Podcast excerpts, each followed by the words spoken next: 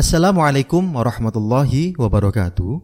Bismillah, alhamdulillah, wassalatu wassalamu ala rasulillah, wala hawla wala quwata illa billah. Amma ba'du.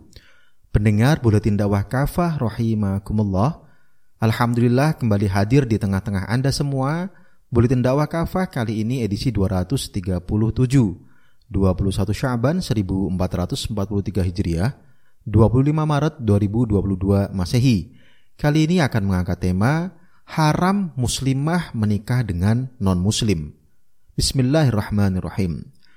Masyarakat di tanah air dihebohkan dengan berita pernikahan beda agama. Seorang muslimah menikah dengan lelaki non-muslim. Terbaru, seorang muslimah staf khusus kepresidenan melangsungkan pernikahan dengan pria kafir. Pernikahan beda agama kini tidak malu lagi ditampakkan di media sosial. Menurut laporan Indonesian Conference on Religion and Peace, sejak 2005 sudah ada 1425 pasangan beda agama menikah di Indonesia. Meski banyak kalangan mengingatkan keharaman pernikahan beda agama tersebut, tak sedikit yang membela. Ada yang menyatakan mestinya perbedaan agama jangan jadi penghalang cinta dan pernikahan. Bahkan ada yang mengatakan hukum pernikahan seorang muslimah dengan pria non-muslim adalah khilafiyah di kalangan ulama. Benarkah demikian? Pendengar rahimakumullah, tak ada khilafiyah. Pernikahan muslimah dengan lelaki kafir sesungguhnya telah tuntas dibahas oleh para ulama. Hal ini sudah terkategori maklum minad din bidorurah. Dasar pembahasan hukum pernikahan beda agama adalah firman Allah Subhanahu dalam Quran surah Al-Baqarah ayat 221 A'udzu billahi minasyaitonir rajim. Bismillahirrahmanirrahim. Wala tankihul musyrikati hatta yu'min. Wala amatum mu'minatun khairum min musyrikati walau a'jabatkum. Janganlah kalian menikahi wanita-wanita musyrik sebelum mereka beriman. Sungguh budak wanita yang beriman lebih baik dari wanita musyrik walaupun dia menarik hati kalian. Profesor Dr. Wahbah Azwaili menjelaskan ayat ini, tidak halal bagi seorang pria muslim menikahi wanita musyrik atau penyembah berhala, yakni yang menyembah selain Allah sebagai Tuhan seperti berhala, bintang, api, atau binatang. Yang semisalnya seperti kaum wanita ateis atau para penganut akidah materialisme yang mengimani materi atau benda dan mengingkari keberadaan Allah. Juga yang tidak menganut agama samawi, seperti penganut sosialisme, kaum bahaya, Ahmadiyah Qadiani Buddha Wahbah Azwaili dalam kitab Fiqhul Islam wa Adillatuh jilid 7 halaman 152. Selanjutnya, Wahbah Azwaili menjelaskan keharaman pernikahan seorang muslimah dengan lelaki kafir.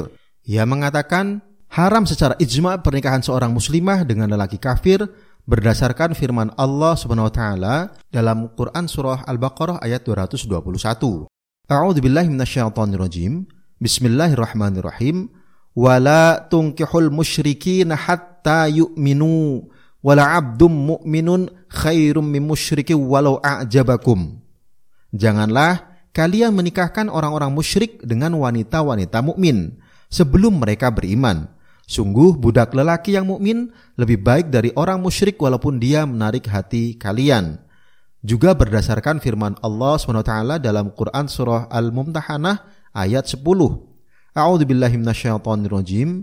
Bismillahirrahmanirrahim. Ya ayyuhalladzina amanu idza ja'akumul mu'minatu muhajiratin famtahinuhun. Allahu a'lamu biimanihin. Fa'in alimtumuhunna mu'minatin fala tarji'uhunna illal kuffar. La hunna hillul lahum wa lahum yahilluna lahun. Hai orang-orang yang beriman, jika datang perempuan-perempuan yang beriman berhijrah kepada kalian, hendaklah kalian uji keimanan mereka. Allah lebih mengetahui tentang keimanan mereka. Jika kalian telah mengetahui bahwa mereka benar-benar beriman, maka janganlah kalian kembalikan mereka kepada suami-suami mereka, orang-orang kafir. Mereka tiada halal bagi orang-orang kafir itu, dan orang-orang kafir itu tidak halal pula bagi mereka. Profesor Dr. Wahbah Zuhaili mengatakan, meski nas tersebut menyebut larangan itu terhadap lelaki musyrik, ia berlaku umum untuk seluruh lelaki kafir. Wahbah Az-Zuhaili dalam kitab Fikul Islam wa Idillatuh jilid 7 halaman 152. Memang benar, sebelum ayat ini turun, kaum muslim diizinkan untuk menikah dengan orang-orang kafir, seperti putri Rasulullah, Ruqayyah dan Ummu Kulsum menikah dengan putra-putra Abu Lahab yang merupakan golongan musyrik. Namun, setelah ayat-ayat di atas turun, Islam mengharamkan pernikahan wanita muslimah dengan lelaki kafir, baik dari golongan ahlul kitab, Nasrani dan Yahudi, ataupun golongan musyrik seperti penjelasan di atas. Ormas-ormas Islam di dalam negeri pun telah menyepakati keharaman nikah beda agama, khususnya muslimah dengan pria kafir tanpa ada perbedaan di antara mereka. Majelis Ulama Indonesia telah mengeluarkan fatwa nomor 4 garis miring Munas ke-7 garis miring MUI garis miring 8 garis miring 2005 yang menetapkan perkawinan beda agama adalah haram dan tidak sah. Nahdlatul Ulama juga telah menetapkan fatwa keharaman nikah beda agama dalam Muktamar ke-28 di Yogyakarta pada akhir November 1989. Demikian pula Muhammadiyah melalui Sekretaris Umum Pengurus Pusat Muhammadiyah Abdul Mu'ti menegaskan pernikahan berbeda agama tidak sah menurut hukum Islam dan undang-undang. Dengan demikian, pernikahan seorang muslimah dengan lelaki kafir jelas batil, tidak sah menurut syariah. Status hubungan mereka bukanlah pasangan suami istri dalam pernikahan, tetapi perzinaan.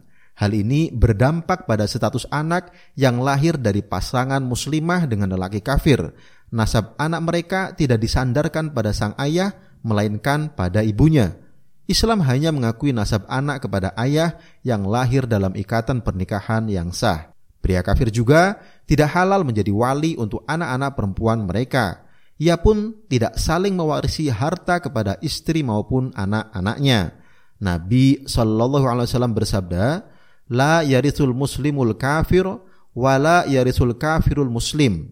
Muslim tidak bisa mewarisi orang kafir dan orang kafir pun tidak bisa mewarisi Muslim. Hadis riwayat Al-Bukhari dan Muslim. Pendengar rahimakumullah, bagian liberalisme beragama. Marak dan beraninya orang menampilkan pernikahan beda agama adalah bagian propaganda ajaran liberalisasi beragama yang tumbuh subur di alam sekularisme demokrasi. Dalam sistem sekuler demokrasi, agama harus dipisahkan dari kehidupan, termasuk dalam urusan pernikahan, juga dari negara. Agama hanyalah pilihan dan urusan pribadi. Dalam sistem demokrasi, warga diberikan kebebasan berpendapat dan berperilaku, tidak peduli apakah sampai menghalalkan yang haram, seperti pernikahan muslimah dengan lelaki beda agama.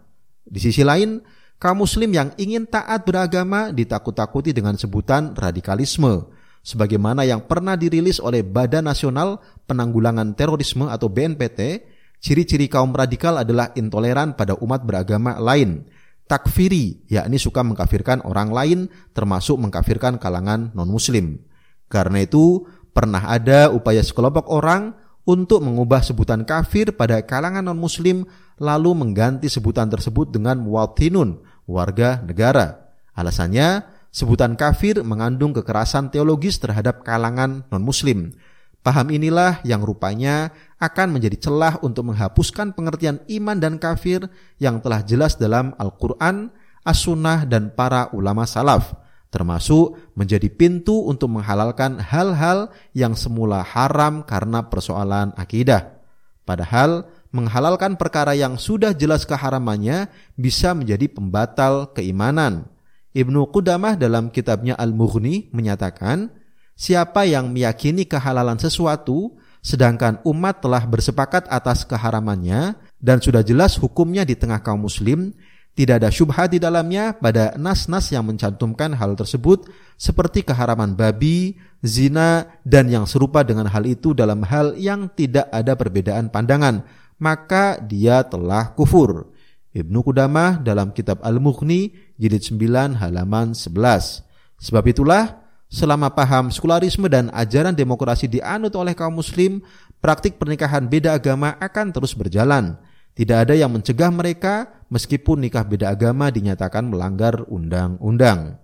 Pendengar rahimakumullah, Islam melindungi akidah.